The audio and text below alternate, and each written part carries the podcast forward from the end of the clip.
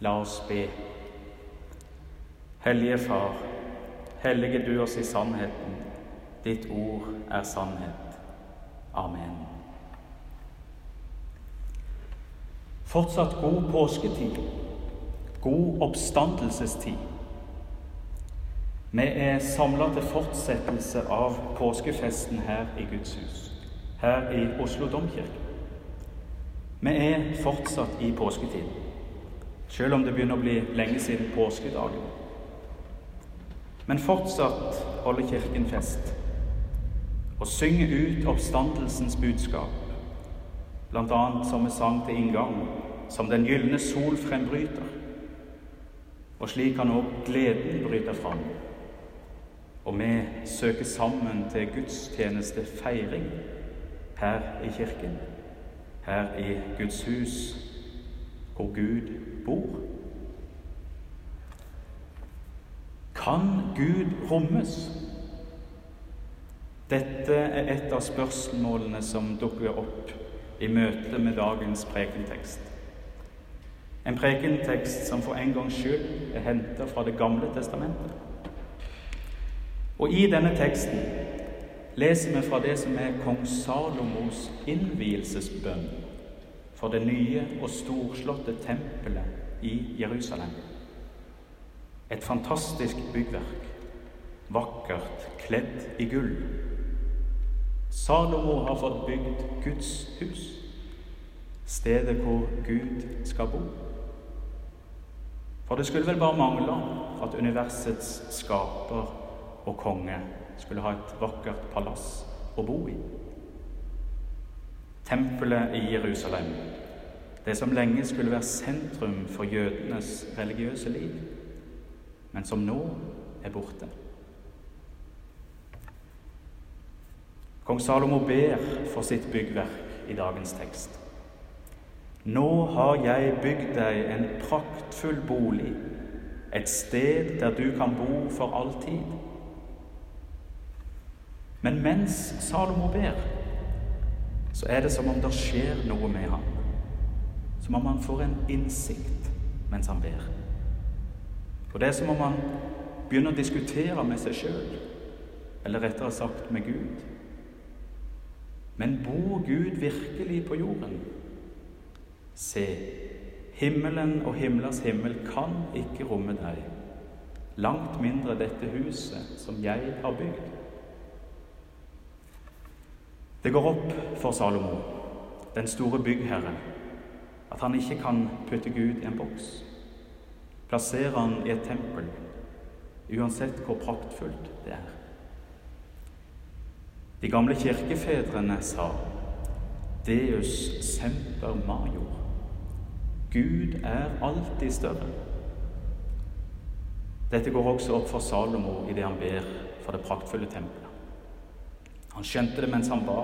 Se, himmelen og himlers himmel kan ikke romme deg, langt mindre dette huset som jeg har bygd.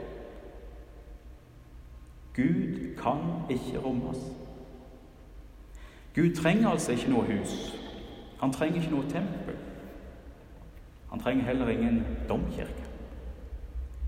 Ingenting bygd med menneskehånd kan romme Gud, selv om mange har prøvd og fortsatt prøver å plassere Gud i en boks, gjerne en boks som passer for deg sjøl. Men Gud kan ikke rommes. Men menneskene trenger hus.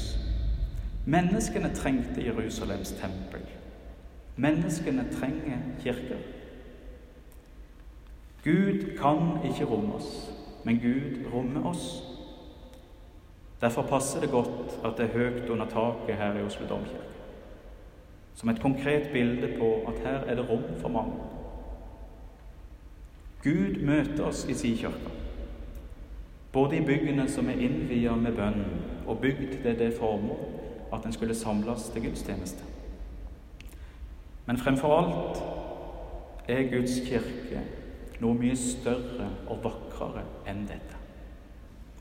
Guds kirke består ikke bare av stein, men av levende steiner, som Peter skriver i sitt brev. Guds kirke består først og fremst av mennesker. Guds kirke er mennesker, slike som deg og som meg. Mennesker som til stadighet søker sammen, men òg mennesker som ikke har mulighet til å søke sammen av ulike grunner. Det være seg sykdom eller forfølgelse. Gud kan ikke romme oss, men Gud rommer oss.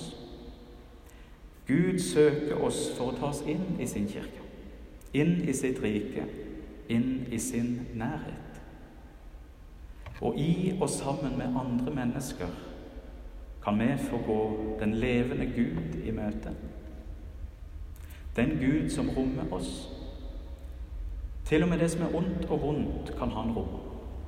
All vår synd og skyld, alt vondt som vi har gjort mot Gud og vår neste, kan vi få gi til ham.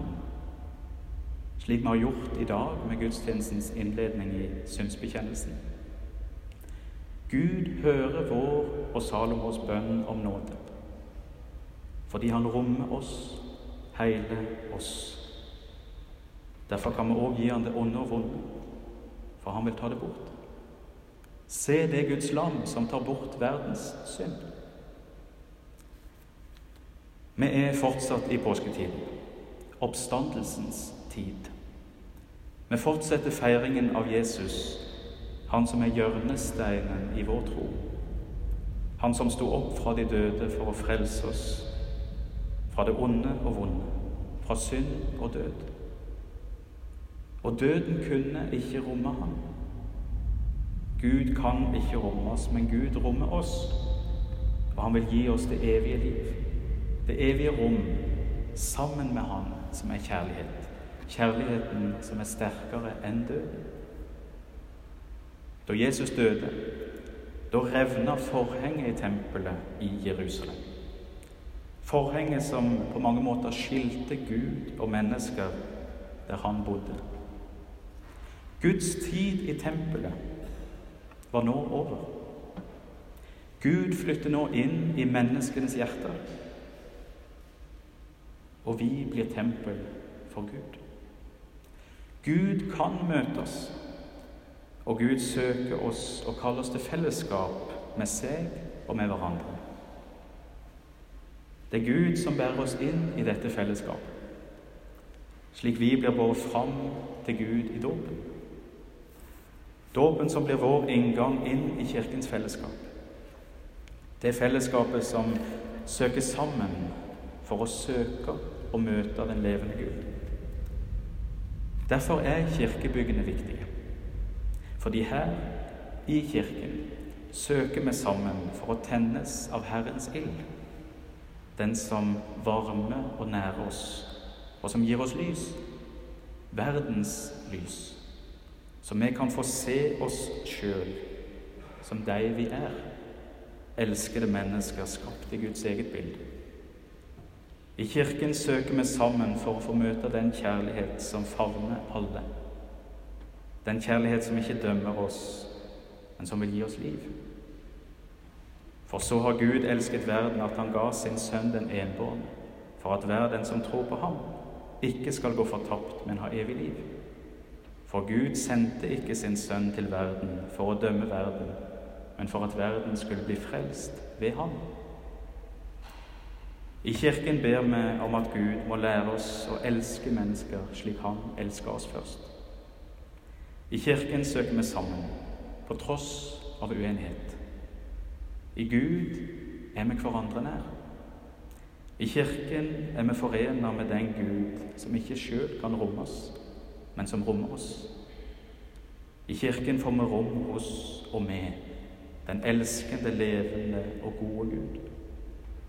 Den Gud som ikke kan rommes, men den Gud som rommer oss.